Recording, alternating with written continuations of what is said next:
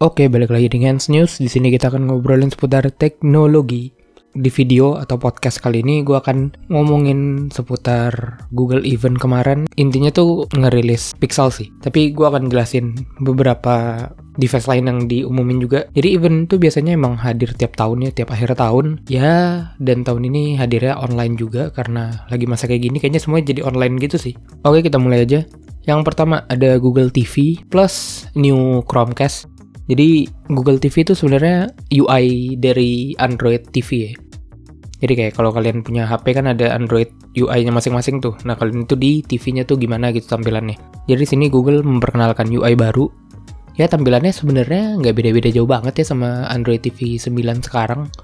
Gue kebetulan juga pakai Android TV dan menurut gue udah oke okay banget. Tapi kayaknya yang baru tuh lebih dipersonalize aja sih. Maksudnya ciri khas Google jadi lu bisa lebih rapih, lebih personal kalau itu TV lu. Nah, dan untuk Chromecast baru ini tuh sebenarnya ini tuh untuk ngubah TV kalian yang jadul jadi TV Smart TV gitu.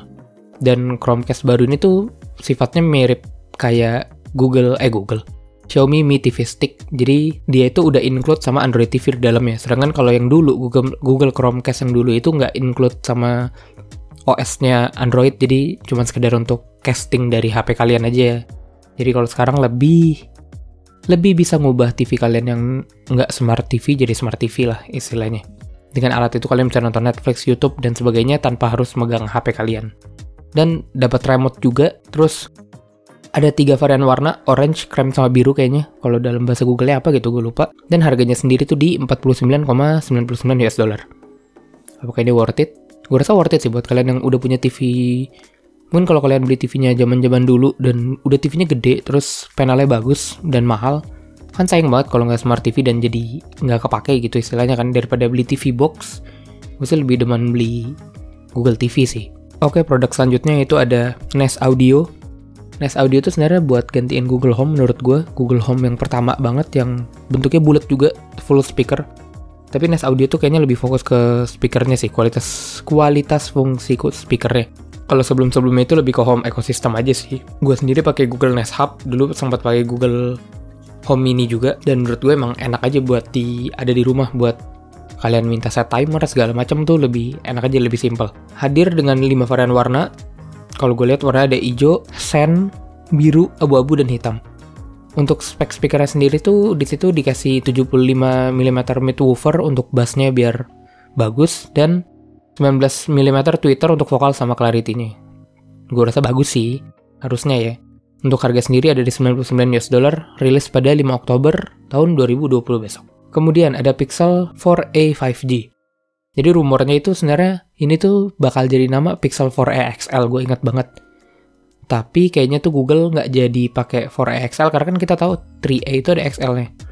Dan kali ini tuh adanya 4A 5G. Jadi tuh apa aja sih bedanya sama 4A gitu kan? Kalian kan mungkin ada yang tahu 4A.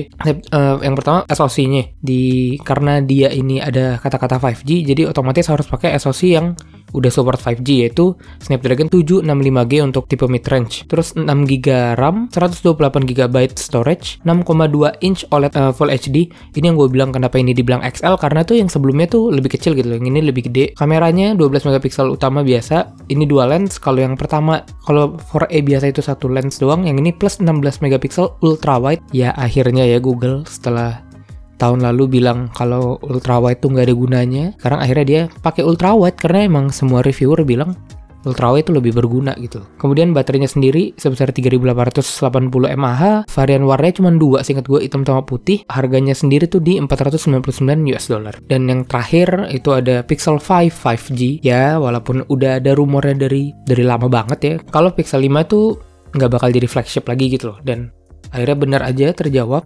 SoC-nya sama kayak Pixel 4a 5G tadi, pakai Snapdragon 765G. Untungnya dari sisi lainnya tuh dia mid range ke atas gitu loh, kayak mirip flagship.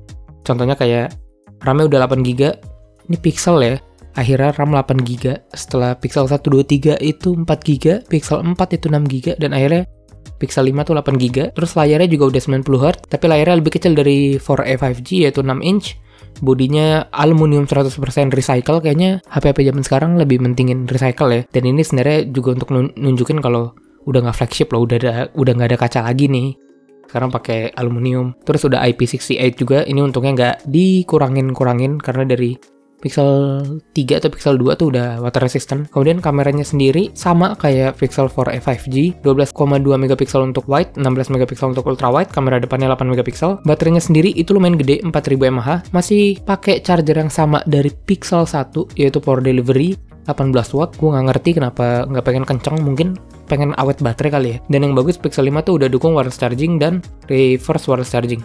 Tapi make sense banget sih karena kan Pixel udah ada Pixel stand dari zaman Pixel 3. Kalau dari Pixel 3 punya Pixel stand terus Pixel 5 nggak bisa pakai Pixel stand kan kesannya jelek banget gitu.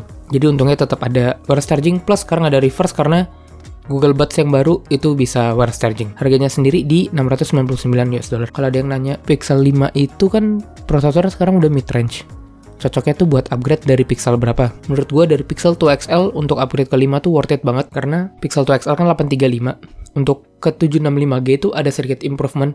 Sedangkan dari 845-nya Pixel 3 itu malah sedikit turun performance raw powernya apalagi Pixel 4. Jadi menurut gue, siapa yang paling cocok untuk upgrade ke Pixel 5 yaitu Pixel 2 XL karena kebetulan juga Pixel 2 XL kan tahun ini terakhir tuh dapat update. Jadi ya buat kalian pakai Pixel 2 XL untuk upgrade ke Pixel 5 oke okay sih. Apalagi harganya 700 dolar kan. Nggak kayak Pixel-Pixel biasa yang sampai 1000 sampai 900 sampai 1200. Oke, jadi itu aja yang dihadirin oleh Google Event September 2020 kemarin. Kalau ada yang nanya, kenapa bahas Google sih padahal barangnya nggak ada yang masuk sini gitu kan kayaknya tadi. Karena gue kayaknya lumayan into ke Google. Maksudnya gue udah pakai dari Pixel 1 sampai sekarang maksudnya udah ganti Pixel 2 Pixel 3 tapi maksudnya gue salah satu fanboy Google Pixel karena menurut gue gue nggak suka Android yang banyak bloatware atau UI-nya aneh-aneh walaupun gue juga suka Xiaomi dan Motorola tapi maksudnya gue Google tuh tetap pilihan HP gue nomor satu gitu loh dan untuk aksesoris lainnya gue juga kalau bisa kalau ada Google, Google aja gitu loh. Bahkan TV aja gue cari yang Android TV. Jadi sekian aja. Oh iya untuk HP-HP tadi itu dapat update 3 tahun ya jaminan dari Google seperti biasa. Jadi itu aja kurang lebihnya boleh komen di bawah kalau ada yang kurang atau ada yang mau nanya tentang Pixel mungkin bisa gue jawab. Jangan lupa like, comment, subscribe. Jam sampai jumpa di video atau podcast berikutnya. Bye.